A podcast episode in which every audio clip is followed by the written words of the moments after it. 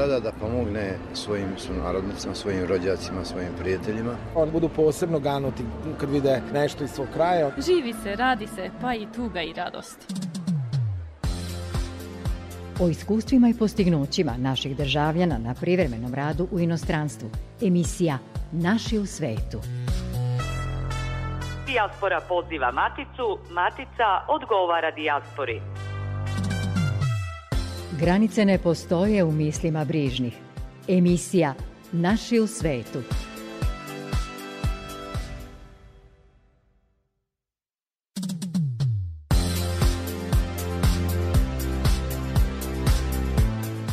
Dobroveče. Sa vama su u narednih 40 minuta za tonskim pultom Olja Đipanov, a pred mikrofonom Goran Pavlović. U emisiji prenosimo poruke koje su upućene na panel diskusiji o filantropiji i ulaganjima dijaspore u Matici. Čućete kako je naša umetnica koja je radila u Srpskom kulturnom centru u Parizu odlučila da svoje radove izlaže u Matici. Govorimo o postignućima naša dva muzička velikana sa rumunskih prostora, a koji su deo serijala koji je priredilo Srpsko udruženje Beli Bagrem sa sedištem u Temišvaru. Direktor Uprave za saradnju sa dijasporom i Srbima u regionu Arno Gujon predao je poljoprivrednu mehanizaciju Srbima povratnicima u Novi grad kod Ođaka u Federaciji BiH. Pomoć vlade Srbije namenjena je Srbima povratnicima u Posavski kanton. Prema popisu stanovništva iz 2013. u opštinu Ođak vratilo se 530, Oraš je 300, i Domaljevac samo 70 Srba predratnih stanovnika tih opština, gde je nekada živelo desetak hiljada srpskih porodica. Podelom poljoprivrednih mašina Srbima u Posavini, vlada Srbije realizovala je drugi projekat pomoći Srbima u Federaciji BiH. Do sada je podeljena oprema pčelarima u Grahovu, a u Bosanskom Petrovcu donirano je 35 steonih junica.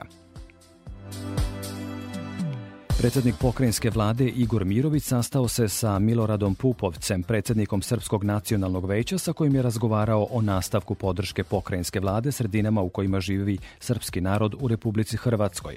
Na sastanku u Novom Sadu se razgovaralo o intenziviranju saradnje kroz programe očuvanja spomeničke baštine, osnaživanja žena, obrazovanja mladih i očuvanja identiteta. Dogovoren je nastavak finansiranja programa i sadržaja od interesa za očuvanje identiteta Srba u Hrvatskoj Hrvatskoj, u čemu će učestvovati i ustanove i institucije čiji je osnivač pokrajinska vlada, kao i razmena stručnih saradnika u oblastima obrazovanja, kulture i informisanja. Posticanje i afirmacija najuspešnijih pojedinaca, preduzetnika i institucija sa teritorije Vojvodine cilj je dodeljivanja godišnje nagrade kapetan Miša Anastasijević. Među dobitnicima nagrade je i Duško Ćutilo, direktor Fonda za raseljena lica i Srbe u regionu. On je najavio nove konkurse za organizacije Srba u regionu. Kao i svaka nagrada, posebno ova, predstavlja jednu veliku čast, kako, kako za mene lično, tako i za instituciju koju vodim, ali s obzirom da je to i velika čast, to istovremeno je velika odgovornost, s obzirom da dobijenje ovakve nagrade nam je negde veoma značajno, ali sa druge strane nam daje u zadatak da i u narednom periodu nastavimo sa onim što smo do sada činili, a to je dakle, da od 2006. godine kada je fond osnovan da se bavimo programima podrške izbeglim programim i racijenim licima, a evo u zadnjih godinu dana i programa koji se odnose na napređenje saradnje sa Srbima u regionu. Sledeće godine svako nas očekuju svi naši redovni javni pozivi, već posle božićnih novogodišnjih praznika krećemo sa javnim pozivima za građevinski materijal, seoske kuće, konkursi za organizacije na teritoriji autonome pokrene Vojvodine, za organizacije Srba u regionu, zatim za javno informisanje na srpskom jeziku u zemljama regiona, kao i sve oni programi koje smo i u prethodnom periodu realizovali.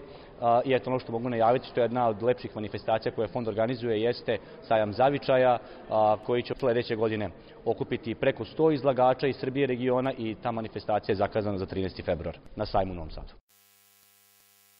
Doznake naše dijaspore u Srbiji čine 2,7% srpskog BDP-a, što je uz još neke zemlje regiona najviše u Evropi. Rečeno je u Matici na četvrtom panelu o saradnji sa dijasporom pod nazivom Filantropija nema granice u organizaciji fondacije Ana i Vlade Divac. Kako je naglašeno na skupu, reč je o milijardama koje pomažu ljudima da imaju normalan život i čuvaju socijalni mir.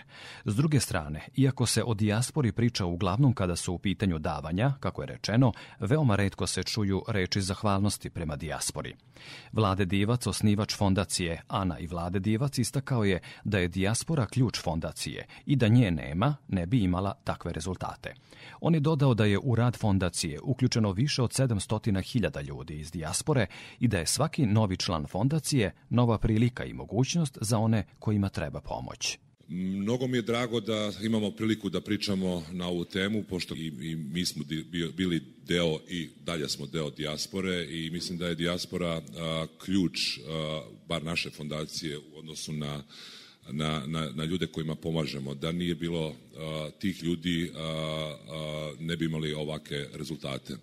U svakom slučaju, zahvaljujem se takođe i, i našim saradnicima i partnerima u koaliciji za dobročinstvo i svakako USAID-u kojem evo ovom prilikom i čestam na 20 godina pomoći mojoj zemlji, a, pogotovo a, i radu naše fondacije i svime onim čime se mi bavimo, a to je da u našoj zemlji i u ovom regionu pokušamo i doprinesemo da napravimo bolje i, i srećnije društvo. Najviše sam srećan svakako za ljude koji su u jednom trenutku imali beneficije naše fondacije, koji su se kasnije stali na svoje noge i onda su se i oni priključili tome i, on, i oni danas pomažu ljudima koji su, koji su u problemu.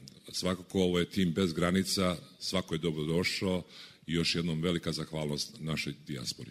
Suosnivačica fondacije Ana Divac rekla je da je preko fondacije zaposlenje našlo više od 20.000 mladih ljudi.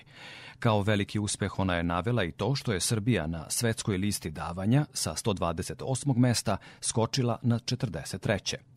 Ana Divac je dodala da se u Sjedinjenim američkim državama, čiji je takođe državljanin, od predsednika države preko velikih kompanija do pojedinaca, najviše vrednuju oni koji su veliki filantropi i da se to uvek posebno naglašava. Mislim da je to jedan prelep primer koji možemo da vidimo u Americi e, na koji način se odnose prema dobrotvorima, plus toga što imaju sve poreske olakšice M sa time im se kaže hvala, a i pored toga se ljudi inspirišu da daju više novca. To je nešto što stvarno možemo da naučimo iz dugogodišnje prakse Amerike i time što apsolutno od najvećih instanciji, od predsednika Amerike, od najvećih kompanija, u prvi plan se ističu ljudi koji svojim služenjem pomažu Americi i ne samo Americi, nego van granica Amerike širom sveta. Tako da bi mogli mi kao zemlja da se ugledamo na to i da u tome vidim prostora za poboljšanje, što je rekao moj prethodni govornik, definitivno ljudi koji su dali ne samo u ovom vremenu, nego u prošlom vremenu trebaju da imaju nazive škola, nazive ulica, nazive institucija. Ja sam jako svesna da 100% ćemo svi umreti i 100% apsolutno ništa onome koji je umro ne znači da se neka ulica zove po njemu. Ali kome znači onima koji žive tu. Jednog dana će se zapitati zašto se moje ulica ili škola zove tako i naučit će zbog čega je to i bit će inspirisani da i oni čine velika dela i to je jedini razlog zašto to nije samo zahvalnost tim ljudima, nego to je inspiracijama ljudima koji su došli posle tih ljudi. Da Srbija treba da uvede poreske olakšice za one koji ulažu u dobrotvorne svrhe potvrdio je i američki ambasador u našoj zemlji Anthony Godfrey, koji je na panelu o saradnji sa dijasporom rekao i da bi to naše rasejanje motivisalo da više ulaže u svoju zemlju. Godfrey je dodao da srpsku dijasporu u Americi čine sposobni i vredni ljudi i da se on zalaže za jače povezivanje Srbije sa dijasporom. Rekao bih da danas više nego ikada srpska dijaspora u Americi može da doprinese razvoju Srbije. Želim da pohvalim fondaciju ANA i vlade Divac što mobiliše podršku dijaspore. Vidim da je ova fondacija samo od dijaspore u Americi prikupila preko 700.000 dolara za različite inicijative. Na primjer, renoviranje onkološkog odeljenja litova i sistema za kisionik bolnice u Kruševcu. To je velika stvar. i želim da se zahvalim svim donatorima koji podržavaju ovakve akcije u Srbiji. Mnogi od vas znaju da je filantropija temeljni princip američke kulture i drago mi je što srpska dijaspora u Americi nastavlja da neguje tu zajedničku vednost da bi se još više ohrabrila kultura davanja. Trebalo bi da Srbija usvoji politiku podsticanja u zemljama gde živi, a pogotovo u Sjedinjenim državama. Srpska dijaspora obično uživa poreske olakšice za donacije. To znači da im je lakše da doniraju tamo gde žive, nego u zemlji iz koje su došli. Za Srbiju je to ogromna, ali propuštena prilika. U Sjedinjenim državama to poreske olakšice za dobrotvore uveli još daleke 1917. godine. Od tada se stalno radilo na povoljnoj poreskoj politici u ovoj oblasti. Tako je davanje postalo deo naše svakodnevne kulture. Jasno je da promjena sistema zahtjeva vremena, ali Srbija može da ga uštedi ako uči iz preko 100 godina našeg iskustva. Zajedno možemo pomoći Srbiji da učini konkretne korake ka povoljnim okviru za e, doniranje. Na primjer, da ukine poreze na donaciji i unapredi sistemi online plaćanja. To je posebno važno sada, kad je prema naš još jedna zima sa COVID-19. U tom smislu vam želim sve najbolje. Molim vas, čuvajte se i ostanite zdravi. Direktor Srpskog filantropskog foruma Veran Matić podsjetio je da je Srbija tokom 19. i početkom 20. veka imala velike dobrotvore koji su, poput Vorena Buffeta u Americi, celu svoju imovinu zaveštali domovini ili su gradili škole i bolnice. Srpski filantropski forum ima za cilj da reafirmiše te vrednosti, naglasio je Matić. Doznake koje su upućene u zemlju i u najvećoj meri su doznake koje šalje dijaspora u zemlju, su negde oko 2,7 odsto bruto nacionalnog dohodka Srbije. I to je zaista najviše u Evropi, mislim zajedno sa Hrvatskom i sa možda još nekim zemljama ovde u, u, u regionu. I to je zaista izuzetno velika količina novca koja obezbeđuje jedan normalniji život građanima u Srbiji, a u isto vreme pomaže onima koji nemaju uh, baš najbolje uslove za život. I u principu to su podaci o kojima se malo zna. Kada bi se više znalo, uh, onda bi uh, ove stvari koje je pominjao gospodin Godfrey, a koje se američke države usvojile pre više od 100 godina, bi shvatilo se koliko, koliki je potencijal u doniranju i u finansijskom učestvovanju razvoja Srbije od strane dijaspore kada bi se uradile ove stvari koje su normalne zemlje uradile još pre 100 godina. I Srpski filantropski forum ima u, pravi, u stvari za cilj da reafirmiše zadužbinarstvo i e, dobročinstvo e, e, iz tog perioda, dakle opet nekako od pre e, 100 godina, da reafirmišemo sećanje na dobrotvore i filantrope i da kroz primere Nikole Spasića, Miše Anastasijevića, Ilije Milosavljevića, Luke Ćelovića, Trebinca, Sima Andrevića, Igumanova, Aleksa Krasmanovića i drugih podstaknemo da svi oni koji mogu pomognu razvoju društva donirajući zajednici, prvenstveno u segmentima koji su zapostavljeni iz različitih razloga, pa i kada je reč o donatorstvu, dakle o kulturi i obrazovanju, ali pomoći diskriminisanim i organizacijama koje se bave svima kojima je pomoć potrebna. Uspeli smo da uspostavimo nacionalni dan davanja i formiramo Savet za filantropiju sa predsednicom vlade. Nacionalni dan davanja je ove godine obeležen četvrti put kao i prethodnih godina 9. oktobra na dan rođenja Mihajla Pupina, našeg velikog naučnika, ali i velikog filantropa iz dijaspora. I evo, i to je još jedna poveznica i sa dijasporom, ali i sa Sjedinjenim američkim državama. Ambasador Srbije u Americi Marko Đurić rekao je da je njegov zadatak da proširi saradnju Srbije sa dijasporom, te da je u tu svrhu pokrenuta inicijativa za okupljanje srpskih organizacija u februaru u Vašingtonu.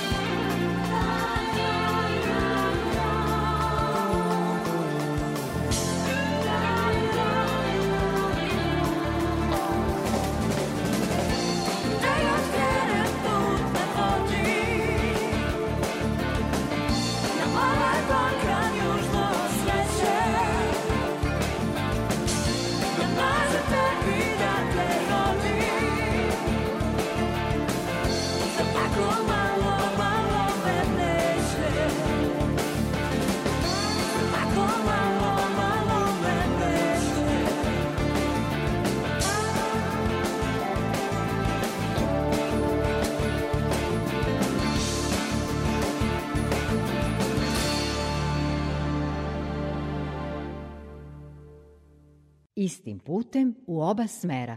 Emisija Naši u svetu.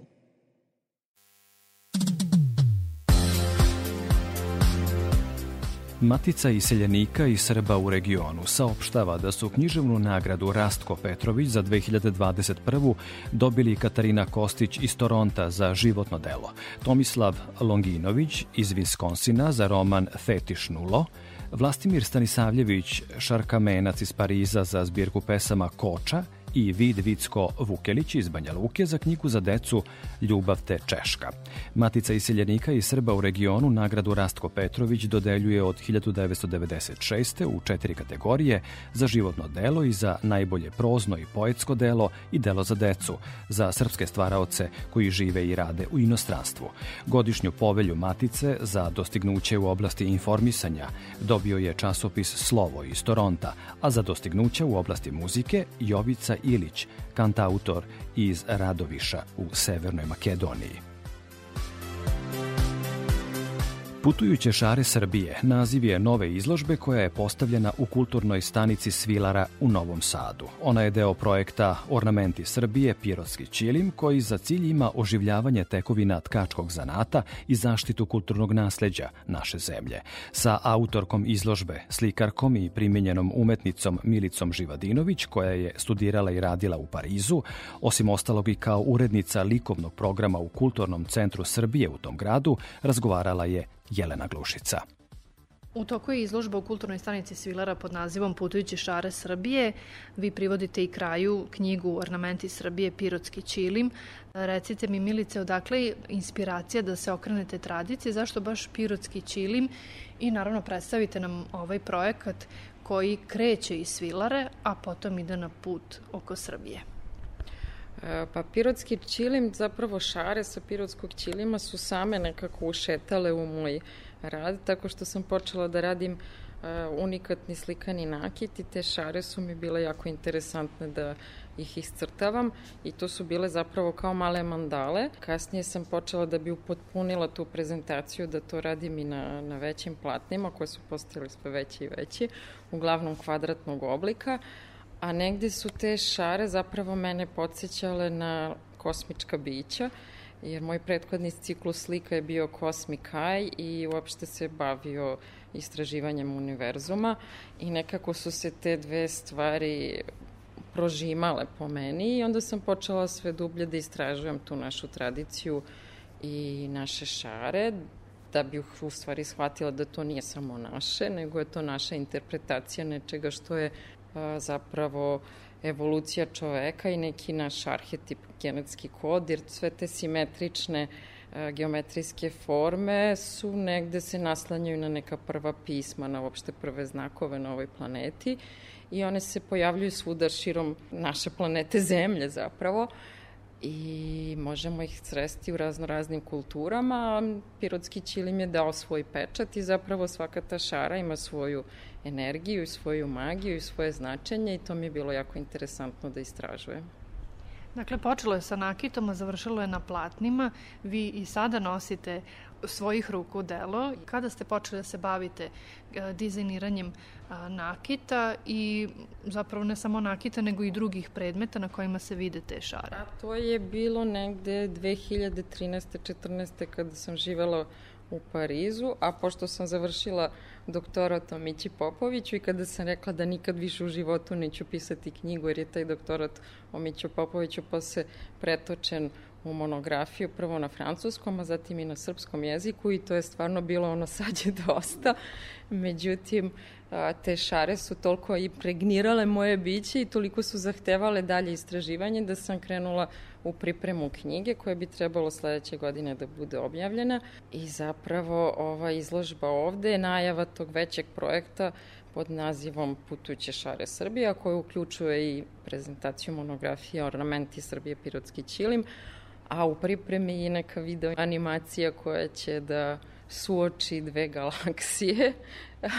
tu neku, zapravo intrigira me ta neka činjenica da su astrofizičari, naučnici američke NASE predvideli da će u jednom trenutku doći do spajanja Mlečnog puta i Andromede, tako da Mlečni put bi u tom slučaju bio sastavljen od planeta koje su obučene šarama, dok bi ova druga galaksija koja je manje istražena Andromeda i koja nas malo plaši, bila presvučena, da tako kažem, tim mojim pređašnjim ciklusom koji se bavio kosmosom i okom, u stvari sve nekako vezano za oko.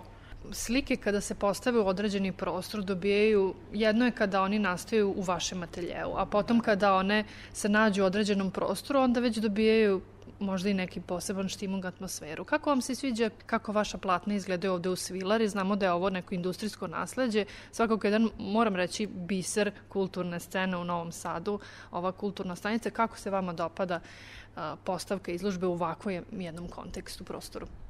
Pa svaka postavka izložbe je neki novi izazov i ovaj prostor je zaista savršen. Nemam ništa što bi ovde promenila. Stvarno je sve jako lepo i nekako slike kako smo ih uneli, raspakovali, tako smo krenuli da gradimo postavku i svaki zid je stvari priča za sebe, a sad to što je bitno je da su se ovde plele svilene niti, a da mi se asociramo sada na taj pirotski ćilim i nekako je divno što u stvari ovaj projekat kreće odavde i ja bih da se naravno zahvalim celoj ekipi Kulturne stanice Svilera, Fondaciji Novi Sad, kao i Francuskom institutu koji je pokrovitelj ovoga projekta i mislim Francuski institut Srbije i Francuski institut u Ogronak u Novom Sadu i Vladimir Melinković koji rukovodi tim centrom je puno pomogao da se ove stvari realizuju.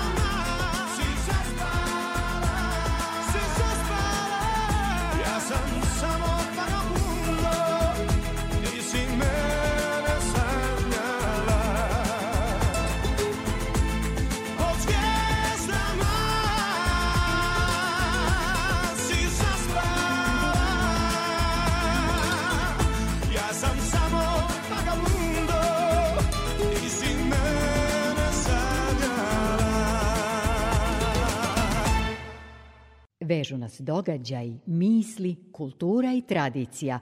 Emisija Naši u svetu.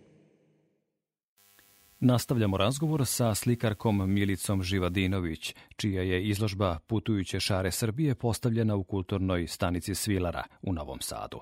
Kao što je umetnica i sama istakla, za njenu realizaciju dobila je podršku Francuskog instituta Srbije, posebno ogranka te institucije u Novom Sadu. Baš za francusku našu sagovornicu mnogo toga vezuje. Još 1999. godine zaputila se u Pariz na studije slikarstva gde je završila master i doktorske studije. Njena disertacija odnosila se na stvaralaštvo Miodraga Miće Popovića, a štampana je kako u Francuskoj, tako i u Srbiji. Takođe, Milica je 12 godina provela na mestu urednika likovnog programa Kulturnog centra Srbije u francuskoj prestonici. Za taj period vezuju je lepe uspomene. Kako pamtite taj period Pariz je natopljen umetnošću, možemo tako reći? Kako ste se vi osjećali? Bili ste mladi tada, 20 i nekoliko godina. 23 godine ste imali. Kad sam stigla kasnije, nakon što ste završili, dugo se radili kao urednik likovnog programa u Kulturnom centru Srbije, pa prosto to je odgovoran posao u smislu kulturne diplomatije. Pa to je bio jako odgovoran, jako lep posao, jako zahtevan. Tamo sam radila 12 i po godina, nažalost to se završilo možda ne baš tako prijatno, ali je taj neki period bio natopljen mnogim lepim projektima koje smo pomoću štapa i kanapa, ako mogu tako da kažem, realizovali i trudili se da uvek toj francuskoj internacionalnoj publici, pošto je Pariz centar u stvari svih događanja. U Parizu se nalazi preko 50 inostranih kulturnih centara, tako da tu je dolazilo stvarno ljudi iz svih krajeva sveta i mi smo se trudili da na najbolji mogući način predstavimo naše nasledđe i našu savremenu umetnost.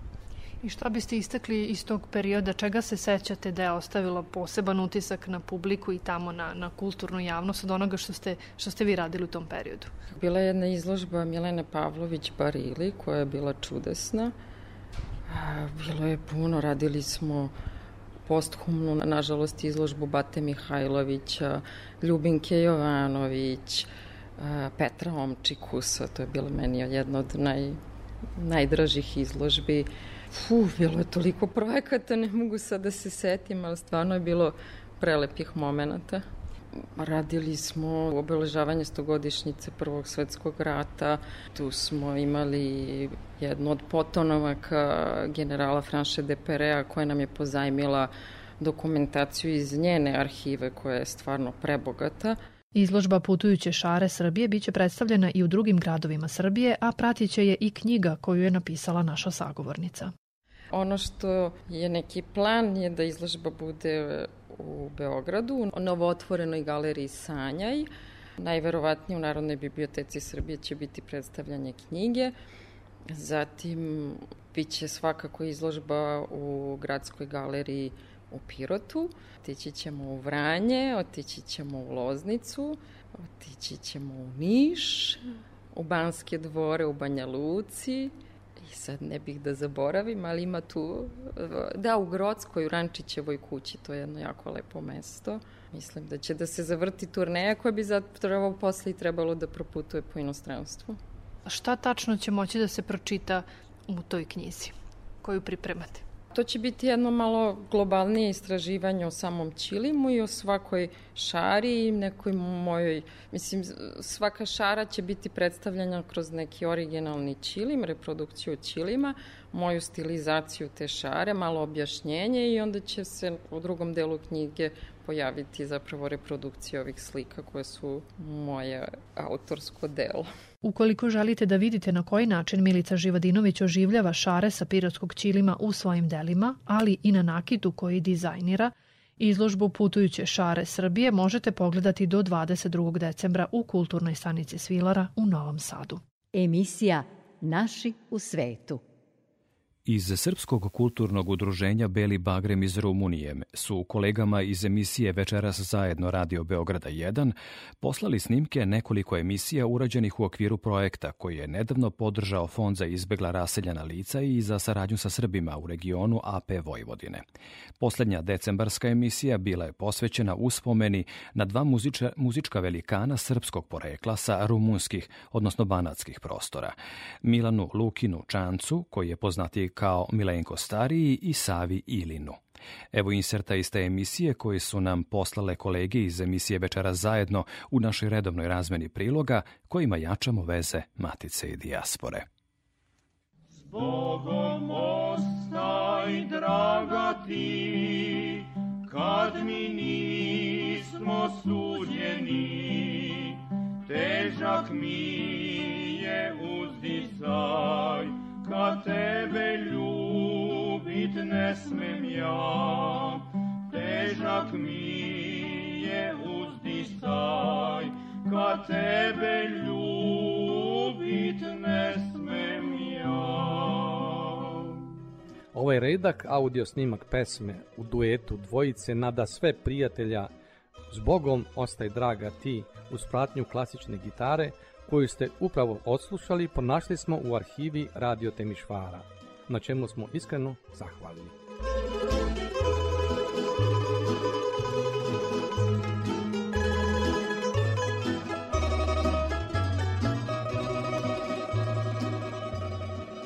A sada, dragi slušalci, dozvolite nekoliko reći o Milenku Starijem.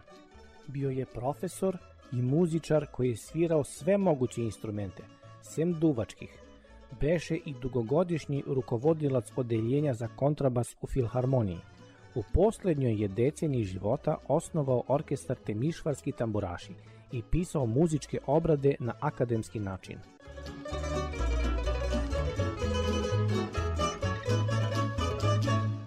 Bio je poštovan, ali i neobično omiljen i možemo slobodno reći voljen u muzičkom banatskom miljeu jer je radio sa čitavom lepezom muzičara i instrumentalista, Srba, Rumuna, Nemaca, Mađara. Uspomena na njega, u znak poštovanja, navela je skoro sve njegove saradnike da učestvuju u pomenutom omaž koncertu. Ovom prilikom želimo istaći naše tamburaše i pevače širom Banata, posebno iz njegovog voljenog rodnog Čanada, na čelu sa Čikatomom Đurićem Primašem, kao i članove njegovog kvinteta za kojeg je on, Srbin, pisao aranžmane za nemačku banatsku muziku u Oberkrajner stilu. Tom prilikom je u Temišvaru po prvi put gostovao veliki tamburaški orkestar radio televizije Vojvodine iz Novog Sada i izveo Milanovu Milenkovu posebnu obradu našeg banatskog malog kola, kojeg je nazvao, kako bi drugačije, Čanatsko malo kolo.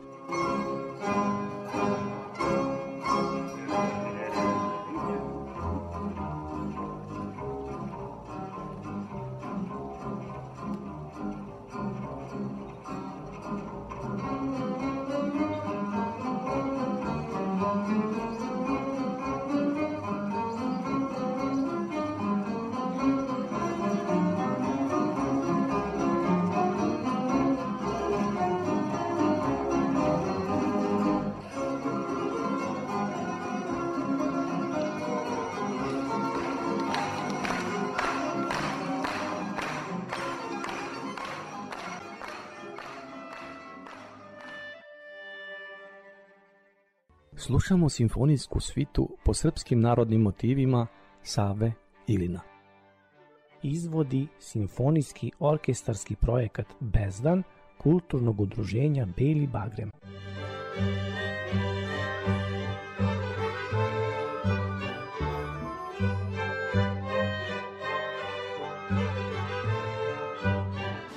Muzičar, etnomuzikolog, dirigent, kompozitor i profesor harmonije i kontrapunkta na muzičkom fakultetu u Temišvaru.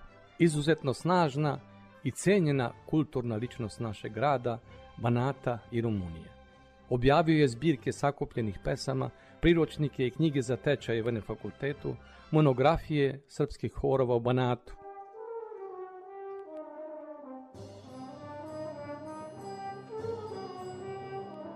Deo njegovog etnomuzikološkog rada objavljen je 2006. godine u izdanju Matice Srpske i Muzikološkog instituta Srpske akademije nauka i umetnosti pod naslovom Muzičko nasledđe Srba, Šokaca i Karaševaca u Rumuniji.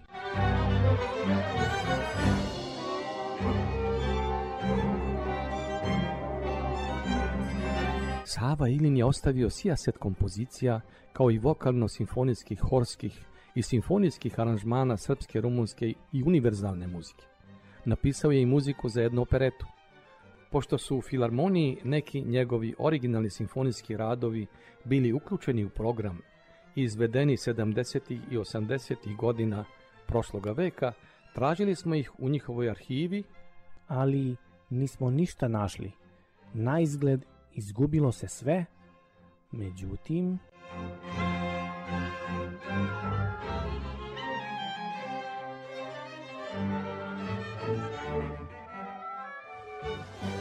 najbliži Savin saradnik, takođe etnomuzikolog i nekadašnji profesor na muzičkom fakultetu Ovidio Đulvezan napisa monografiju o svom mentoru koju smo trudom našeg udruženja preveli na srpski i objavili 2016. godine.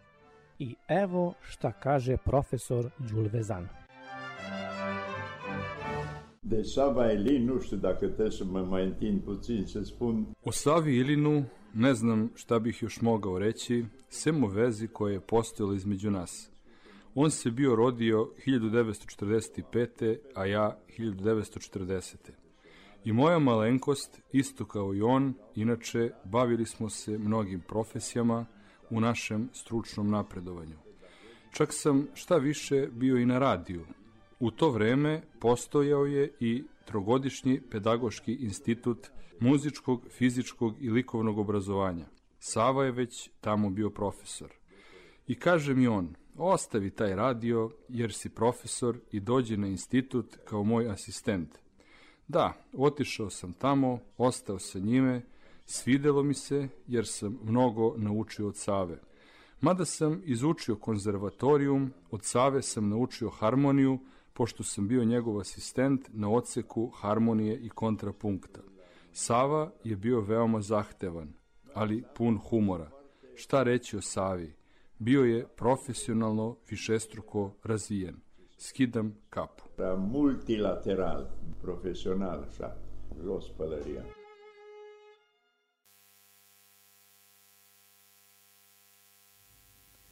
Toliko za večeras o vezi Matice sa svojom dijasporom. Emisiju možete slušati odloženo na sajtu rtv.rs, a na Facebook profilu Naši u svetu RTV pronađite dodatne informacije o nama. Do slušanja i narednog petka od 19.5.